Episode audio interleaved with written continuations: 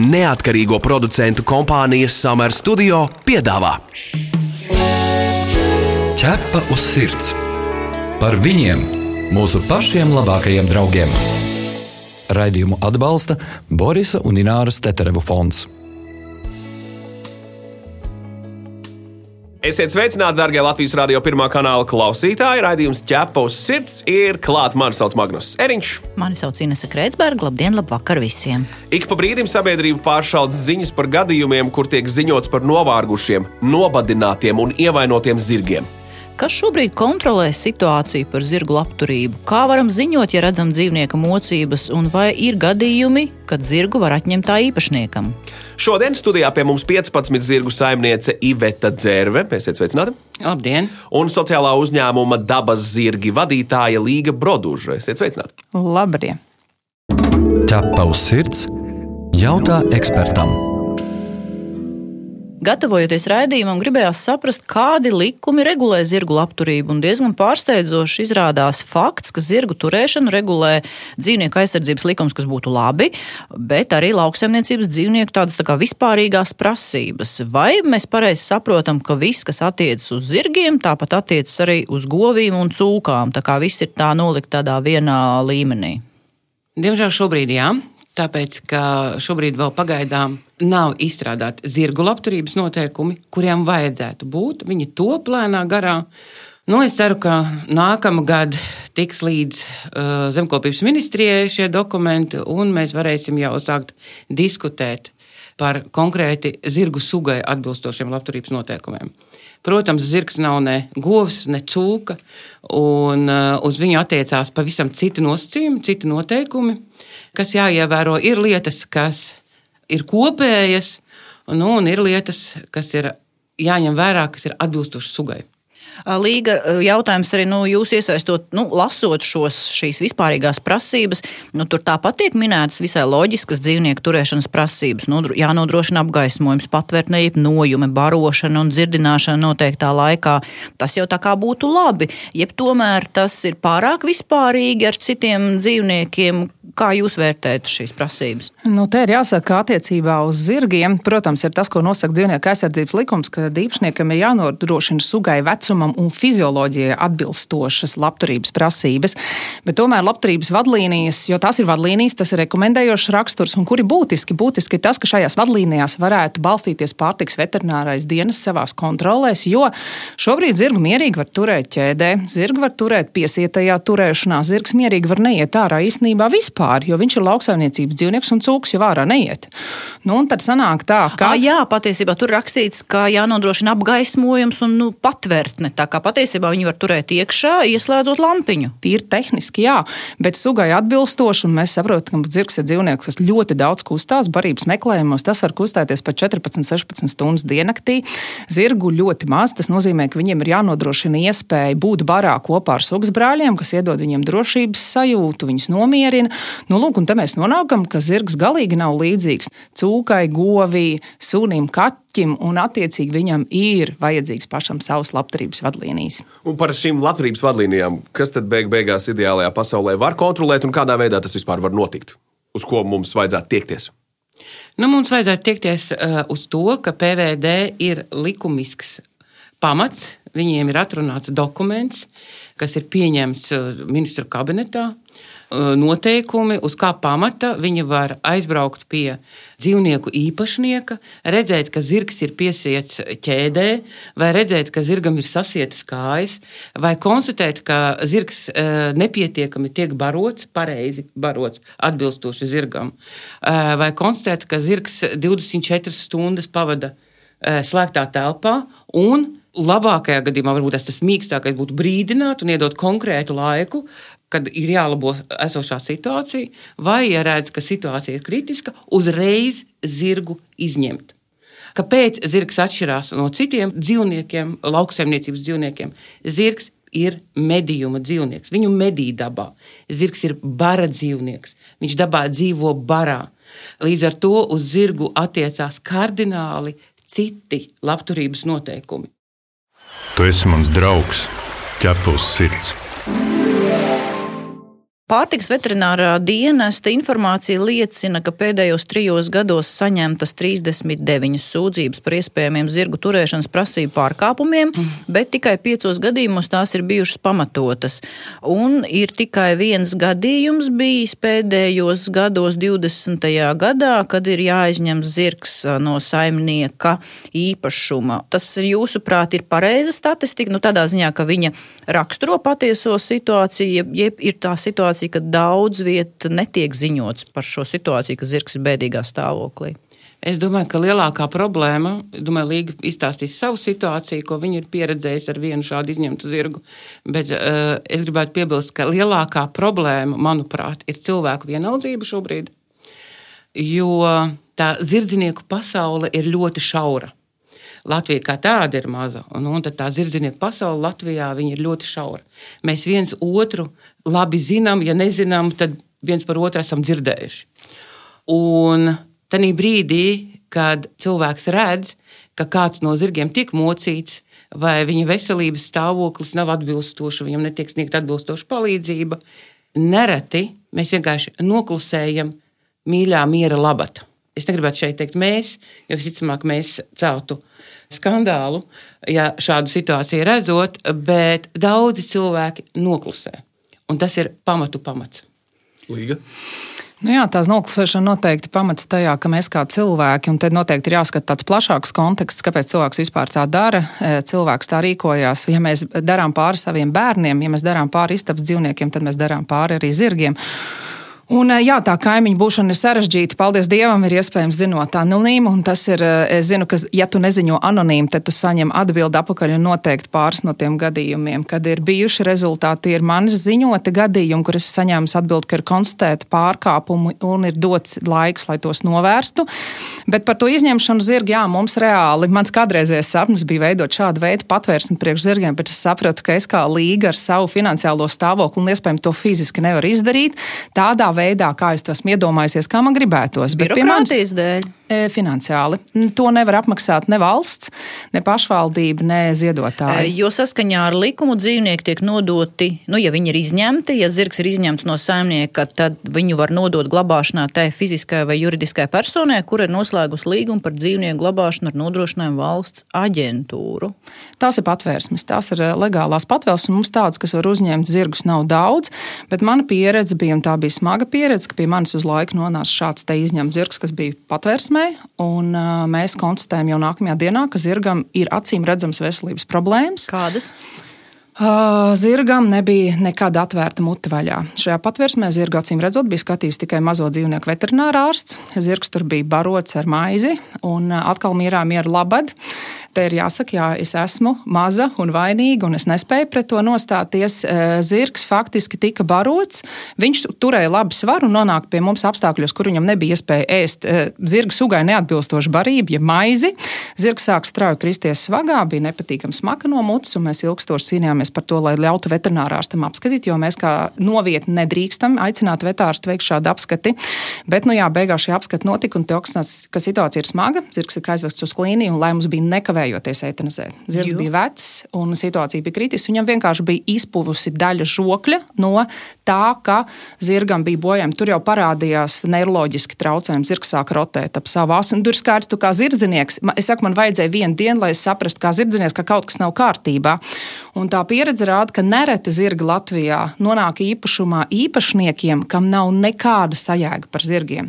Un tā ir vēl viena liela problēma. Mums nav jāiziet nekāda obligātā apmācība, minimāla. Un te mēs runājam par kaut kādam kaut vai online kursu jānoklausās, vienkārši testīts jānokārto par to, kā tad ir turēt zirgu. Ja šādas apmācības būtu iespējams, šādi tik kritiski smagi gadījumi tik daudz nebūtu. Bet jā, e, zirdzinieki klusē, jo mēs baidāmies, kā nu kurš. Es savā gadījumā negribēja sagraut savu labo reputāciju. Jā, vainīga.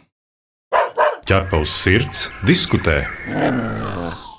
Vai bieži cilvēki ziņojot pārspīlē par situāciju, kurā ir šis potenciāli traumētais vai citādi aizskartais zirgs, jeb tomēr tas atceltais tracis dažos vai kādos no gadījumiem ir bijis pamatots?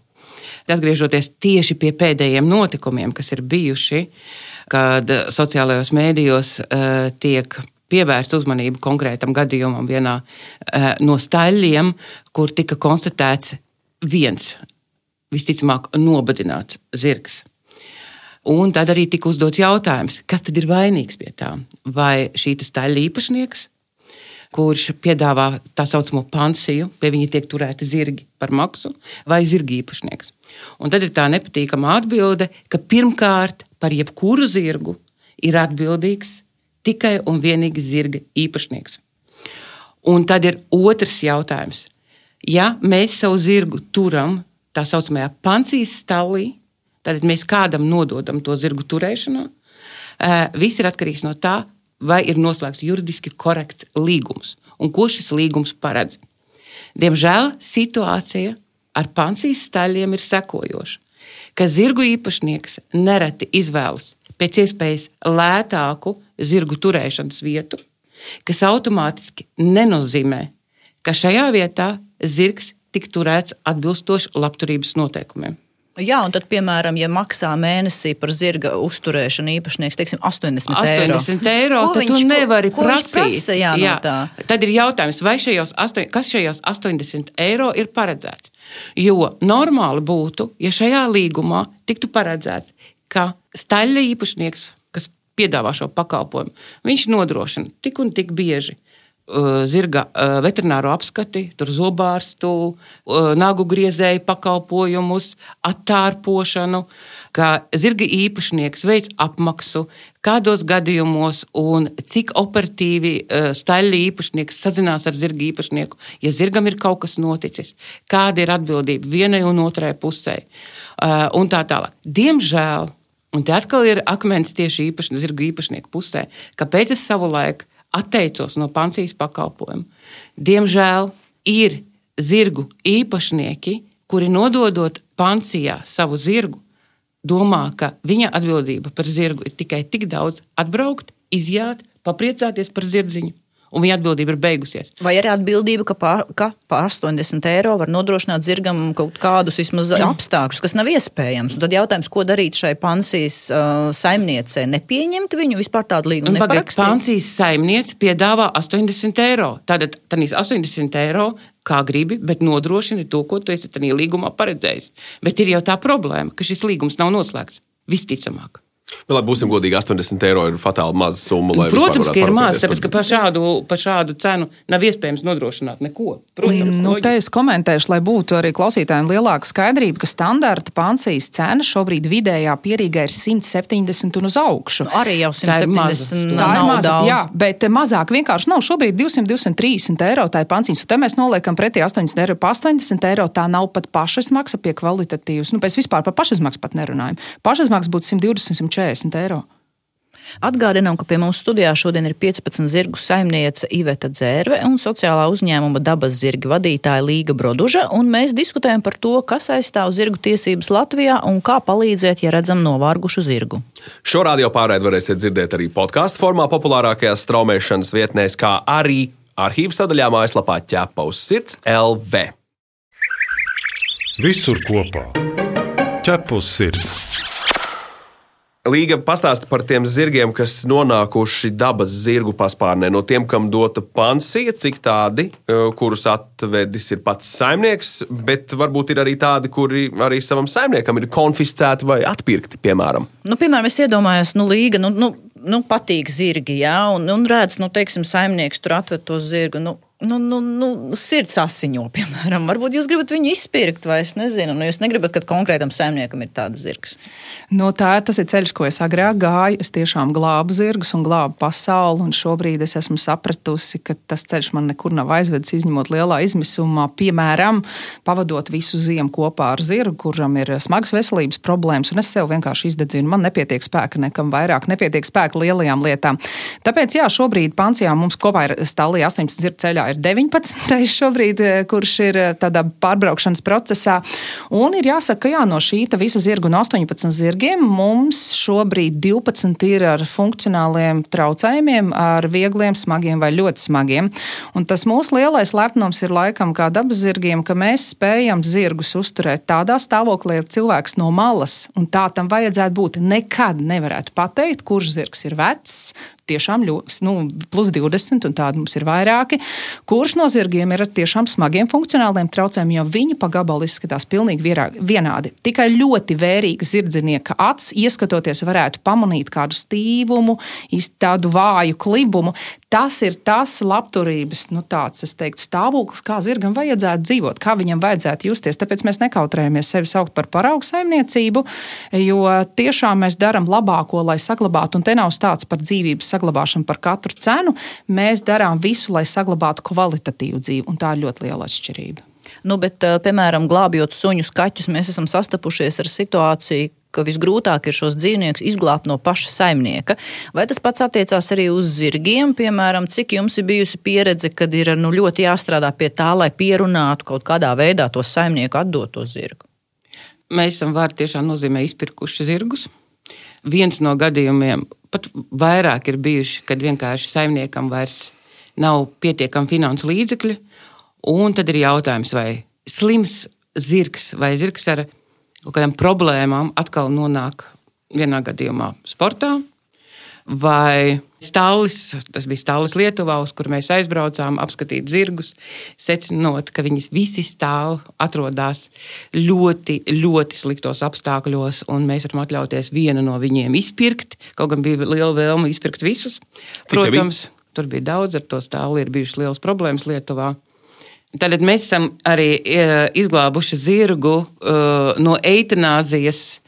Tāpēc, ka saimniekam nav bijuši finanses līdzekļi, lai tālāk viņu uzturētu, uh, ir dažādas šīs situācijas, bet līdzīgi kā līgai, pirmkārt, mūsu stāvā vairs nav vietas, un otrkārt, tu arī saproti, ka visam, visām tavām glābšanas akcijām ir kaut kādas robežas, gan finansu robežas, eh, gan emocionālas robežas, ka tev ir jāsāk domāt vairāk par sevi. Kas būtu tas atbalsts, kas būtu vajadzīgs zirdziniekiem, lai šādu robežu šādām uh, akcijām vai informatīvām kampaņām, un ne tikai, uh, nebūtu? Pasaulē ir veseli centri, kurus atbalsta valsts, kur atbalsta ļoti e, materiāli nodrošināti ziedotāji, kur šādi zirgi kas tiek izņemti no nelabvēlīgiem apstākļiem, tiek nogādāti. Tā, teiksim, tā, tā kā prestiža lieta, varētu teikt. Ja? Jā, tā ir tāda prestiža lieta. Eh, Latvijā ir tā problēma. Pirmkārt, Latvija ir maza. Latvijā ir maz šādu ziedotāju, un plus Latvijā nav valsts atbalsta. Un tas ir pats galvenais, ka valstī nav izstrādāta ne likuma projekta šādi, kas palīdzētu nodrošināt šādiem eh, dzīvniekiem pienācīgu dzīvildzi un uzturēšanu. Uh, Un tā ir sava veida vienaldzība, kas līdz šim ir bijusi no tās zirgu, varbūt tās īpašnieku vai kā jau to pasaka, zirdzinieku puses. Ja? Savu veidu, ka nu, mums ir stereotips, kas ir zirgs. Viņš ir domāts sportam, viņš ir domāts vaislai, kam vēl naudas pelnīšanai, nomā. No kam tad vēl man to nu, zirgu var, vajag? Nu, bet ja? varbūt atbalsts likumdevēju pusē nav tāpēc, ka tur nav neviena īsta zirdzinieka. Ja būtu kāds, nu, nu, PVD strādā īsti zirdznieki. Zirdznieki jā. ne, tāpēc es saku, nekas nenotiek. Tāpēc, es domāju, ka nav bijis pietiekams spiediens, spiediens no to pašu zirdzinieku puses, ka, ka man nu jau ir laiks sakārtot šīs lietas. Ja? Nu, nu, redz, Mums ir jāiet uz priekšu, pasaule attīstās, pētījumi ir veikti, ka zirgs ir domājoša būtne, zirgs pieķerās, zirgs uh, nav tāds pats nu, dzīvnieks, lauksaimniecības, tur govs. Ja? Viņš ir pavisam savādāk būvēts. Te jautājums jums abām. Kā jūsuprāt, visbiežāk Latvijā tiek pārkāpta šī zirgu labturība? Kur jūsuprāt zirgi visvairāk cieši? Vai tās ir slāpes, vai tas ir karstums, vai vienatne, vai tumsa? Jo redz, zirgs jau neizrāda sāpes. Attiecīgi pat viņa saimniekam, kas īsti varbūt nav tik izglītots, var rasties maldīgs priekšstats, ka viss taču ir kārtībā zirgs visbiežāk cieš pie saimniekiem, kuri nav zinoši par zirgu kā tādu. Par zirga labturību, par zirga psiholoģiju, par zirga fizioloģiju. Viņš nav izglītots. Un tāpēc viņam ir pilnīgi normāli piesiet karstā dienā zirgu pļavas vidū, pie ķēdes un turēt viņu tur. Tas ir viens tāds ķēdes turēšana. Joprojām Latvijā sasien zirgiem kājas, un ja mēs paskatāmies kaut kādas diskusijas sociālos tīklos, ka Daudzi zirgu īpašnieki saka, bet tas taču ir normāli, ka zirgs tiek turēts ar sasietām kājām. Par ko jūs cepaties? Kur ir problēma? Tā ir tāda, es saklausu kaut kādu aizvēsturisku domāšanu. Nē, tā nav šajā. aizvērsta domāšana, tā ir šodienas domāšana. Nu jā, bet tā ir- daudzi domā. Tā ir aizvēsturiska domāšana tādā Ir gadījumā. gan rīti Nē, tā ir tīmeklīši. šodienas domāšana. bet tas- bet tas šodien normāli. cilvēki domā. Tas, protams, nav normāli. Tā ir Vajadzētu šobrīd domāt citādāk. Nu, es droši vien atļaušos salīdzināt ar to, ka mums agrāk bija, mēs varam, arī mēs mājās, manā bērnībā, laukos turējām suņus ķēdē, jo tas bija normāli, jo suns citādi skrēja projām. Tagad, kad mums ir izpratne par suņiem, par to, kā suņi domā, mēs saprotam, ka suns ir ģimenes draugs. Pirmkārt, suns dzīvo pie vai nu viņš ir voljērā, un viņš tiek vests pastaigāties. Ar suni mēs ēdam uz suņu skolām, mēs mācāmies, mēs ejam virs staigā un saprotam, ka suns jau skrien no mājām prom. Kāpēc? Viņi vienkārši garlaicīgi. Tāpat jau daudzi to nesaprot. Nu, jā, Būsim bet mums mainās tā domāšana. Mums parādās voljeri, un arī voljeri suns tiek vecs pastaigās. Suns sāk nākt mājā iekšā, kas ir vēl lielāks pārsteigums. Bet izskaidrojiet, kāpēc ir jāved ārā zirgs kaut kur uh, vai ne, aplokā vai pie, pie ķēdes nolikts, un kāpēc viņam ir kājas jāsasien? Lai viņš neaizbēgtu, tāpēc ka Bet- cilvēkiem acīm redzot, nav pietiekams finansējums, lai nodrošinātu Bet- zirgam ierobežotu teritorijā, kur, viņš, kur viņš var tikt Tad turēts. nevajag zirgu. Tad nevajag zirgu. Tieši tā, ja tu nevari zirgam nodrošināt veterināro pakalpojumu, par ko mēs esam runājuši, ka tas ir ļoti dārgi. Ja tu nevari nodrošināt zirgam drošu turēšanu, ja tu nevari nodrošināt zirgam, lai viņš kustētos, lai viņš dzīvotu barā, ja tu nevari nodrošināt zirgam kvalitatīvu sienu, tad tev nevajag zirgu. Tātad aktuālie dati liecina, ka mūsu valstī šī gada janvārī bija 1865 reģistrētas novietnes ar 8713 zirgiem. Vai mūsu valstī nu, tas ir daudz vai maz? Kā jums liekas, teju 9000 zirgu? Un kā jums liekas, vai tiešām tie ir teju 2000 ļoti, ļoti atbildīgu saimnieku?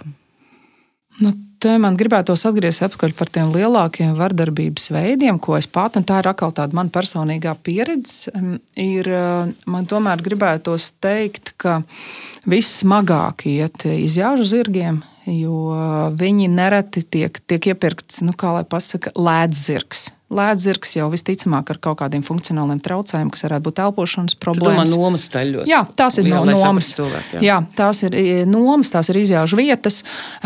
Zirgs, kas tiek maksimāli ātri iestrādāts, lai viņš varētu maksimāli ātri sākt pelnīt, ja mēs runājam par kumeļu audzēšanu. Zirgs, kuram parasti ir nedarošs inventārs, jo kurš tad, nu, kā, kādas, tā, kādas segli ir iepirkt, nav jau tā, ka nomas zirgam katram tagad ņem un pērk savus seglas lielākoties jau nē. Un kas vēl ir būtiski?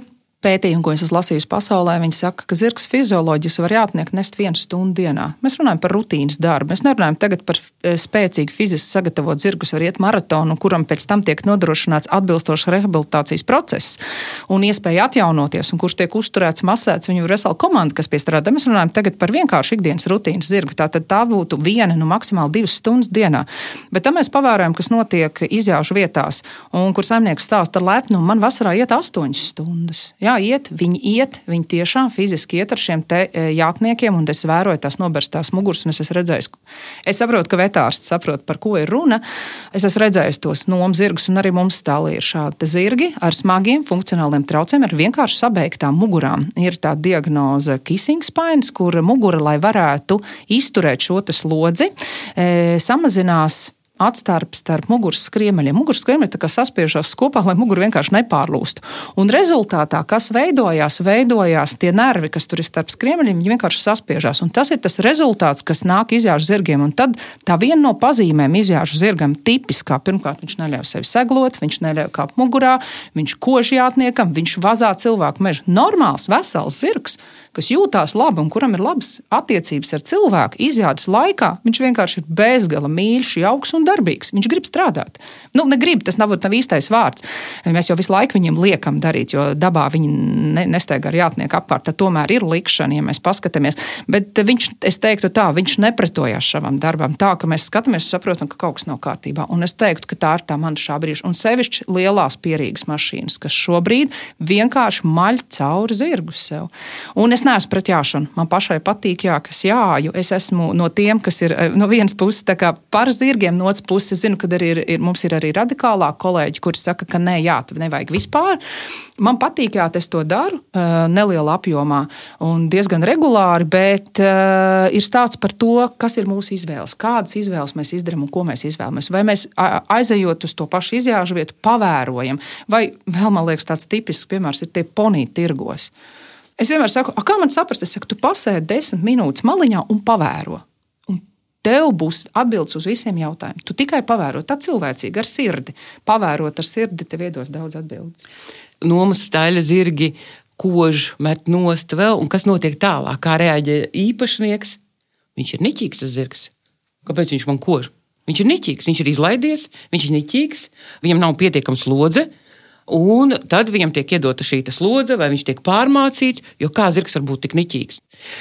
Nedomā par to, ka zirgs jau parasti nemet. Nost. Zirgs nespēja būt niķīgs, jo viņš nav cilvēks. Ja? Viņam nav tādas vienkārši īpašības. Ja? Zirgs nevar būt izlaidies, jo viņš nav cilvēks. Tas ir, tas ir dzīvnieks, tas ir zirgs. Uh, viņš vienkārši tādā veidā parāda jau to galējo diskomforta robežu. Jo zirgs pietiekami ilgi cieš, bet tajā brīdī, kad zirgs jau kož vai met nost saimnieku, tas nozīmē, ka tā galējā sāpju robeža ir sasniegta. Mēs savā stāvā taisām, kad mums nāk ekskursijas. Un, uh, mēs esam arī vieni no tiem, kuri stāsta, ka zirgs nav dabā paredzēts jāšanai. Bet mēs arī jājam, kā īpašnieki, mēs kādam no saviem zirgiem varam uzkāpt mugurā, bet mēs to darām reti un pareizi. Un mūsu zirgi to uztver mierīgi. Un tad mēs viņiem rādām, lūk, ir viens zirgs, kas ir gājis regulāri no mazām dienām nomā. Un paskatāmies, kāda viņam ir mugura. Redzi, ar tādu milzīgu laivu. Un paskaties, kāds ir zirga mugura pārējiem, kuri nav nodarbināti nomā. Un kā tev liekas, vai viņam sāp tā mugura vai nesāp? Un tajā brīdī, kad tu ļoti uzskatāmi redz vienu un otru, viņi saka, jā, es laikam vairs nekad nebraukšu uz nomas stāli. Es saku, pareizi darīsi. Tu pazīsti kādu īpašu dzīvnieku draugu? Tavs kaimiņš vai kolēģis palīdz nelaimē nonākušiem suņiem un kaķiem? Varbūt kāds suns vai kaķis izmainīs tavu pašu dzīvi. Raksti mums, un mēs pastāstīsim šo sirsnīgo stāstu pārējiem klausītājiem. Iedrošināsim arī citus izdarīt kādu labu darbu. Gaidām jūsu vēstuli uz info atķepa uz sirds LV. Apelējot pie klausītāja sirdsapziņas, tieši šajā brīdī, vai varat ieteikt, kā mēs ik katrs varam iesaistīties, ja redzam kādu zirgu, kurš iespējams netiek turēts tajos labākajos apstākļos? Kam ziņot, kur ziņot, kā ziņot? Ziņot uz PVD. Protams, ir tā, ka tu nevari celt brēku par to, ka tu ieraugi, piemēram, atbraucot pie maniem uz stāli, vai arī pie līgas, atbraucot uz stāli, mēs tagad ieraudzīsim, o, ārā ir putenis, un mūsu zirgi, kaili, ja, bez segām, staigā pa pļāvu, pa mežu. Un, acīm redzot, viņi ir jāglābj. Nē, viņi nav jāglābj. Zirgs ļoti labi jūtās augstumā. Un, ja viņš uh, jutīs, ka viņam kaut kas nepatīk, viņš aizies paslēpsies savā nojumā. Tur, kur ir jāglābj, ja mēs redzam, ka zirgs guļ zemē, ilgstoši, kaut kas viņam tiešām nav, nav īsti, bet arī tur ir jāmāk noteikt, kāpēc viņš guļ ilgstoši zemē. Ja? Uh, jo zirgs mēdz apgulties arī uh, ziemā, sniegā uz zemes. Pirmā zirgam ir izspiedušās ribas, viņš ir kaulains. Un tad pat laikā viņam tiek uh, likts virsū jātnieks. Simts punkti par to ir jāziņo. Nu, bet noslēgumā, kas jādara, lai situāciju uzlabotu? Jūs abas divas aktīvas zirgu ekspertes. Ko jūs, kādu, kādas idejas no jūsu puses šobrīd ir, lai, lai varbūt strādātu pie jaunu noteikumu um, teiksim, izveidošanas? Tagad ir atvērts saimā dzīvnieku aizsardzības likums, varbūt tur var papildinājumus kādus virzīt. Kas tagad, kādi soļi tagad varbūt ir paredzēti? Ir jāpabeidz strādāt pie šiem zirgu labturības noteikumiem, zirgu dzimtas, un ir jāizglīto sabiedrību. Un pašam PVD ir jābūt daudz aktīvākam, izglītojot sabiedrību. Jo pats PVD ļoti pasīvs ir tieši izglītojot sabiedrību un stāstot, kas ir jādara. E, finišējot šo radio pārraidi, ašā ideja, ko jūs teikt par zirgu uz nomu? Respektīvi, līdzīgi kā auto dalīšanās, vai kāršērings, horsešērings. Ko jūs teikt par to? Līga jau ir ideja. E, Mums ir. jums jau ir jau? Pie mums ir adaptēti zirgi. Ja tu gribi parūpēties un palīdzēt mums parūpēties par kādu no zirgiem, kas ir, nu, kuram ir ļoti lieli tie izdevumi un aprūs, un ļoti bieži pat ne izdevumi, viņam ir vajadzīgi regulārs, piemēram, pastaigas pie rokas pa mežu, jo jātar viņi nevar. E, Nu, tad jā, un es zinu, ka ir stāļos, kas piedāvā šādus te pakalpojumus, ka saimniekam pašam nepietiek laika. Viņš piedāvā, ka zirgu tu vari pa pusītei vai uz pilnu laiku nomāt. Jā, nu, piemēram, nu, man gribās zirgu. Es gribu zināt, kā tas ir turēt zirgu. Es viņu iznomāju. Man, piemēram, ir zirgs Fricis, maksāja par viņu mēnesī konkrētu naudu. Un viņš man tā kā tāds krustbērns uz laiku. Un ir labi, ja tev ir līdzās, ja tas īpašnieks zirga ir zinošs zirdzenieks, un viņš šādam te iesācējam iedod to pirmo solīti zirgu pasaulē. Un jā, man ir sajūta, ka man nesanāk, ka tas nav mans, es pēkšņi nevaru to atļauties. Es varu jebkurā brīdī pateikt, nē, es to vairāk nevaru, negribu. Tas ir pilnīgi ok. Lūk, tā. Paldies liels par uh, viesošanos raidījumā ķepa uz sirds. Es ticu, ka mēs tiksimies vēl un lai zirgiem burvīgi šeit dzīvojas Latvijā. Paldies par sarunu. Vislabu! Šodien studijā pie mums bija 15 zirgu saimniecība Veta Dzērve un sociālā uzņēmuma dabas zirgi vadītāja Līga Broduža. Mūrāģam, ķepa uz sirds. Atgādinām, ka ķepa uz sirds TV raidījumam varat sekot līdz katru sestdienu, pulksten 11.15 un atkārtojumās svētdienās LTV1. Mēs arī gaidām jūsu jautājumus, ierosinājumus, idejas sižetiem. Rakstiet mums info atķepus sirds.lv. Bet šajā raidījumā tas ir viss. Mani sauc Inese Krētsberga. Mani sauc Magnus Eriņš. Raidījumu veidoja neatkarīgo producentu kompānija Summer Studio. Visu labu! Atā! Ķepa uz sirds. Informatīvi izglītojoši raidījums par dzīvnieku pasauli un cilvēkiem tajā. Raidījumu atbalsta Borisa un Ināras Teterevu fonds.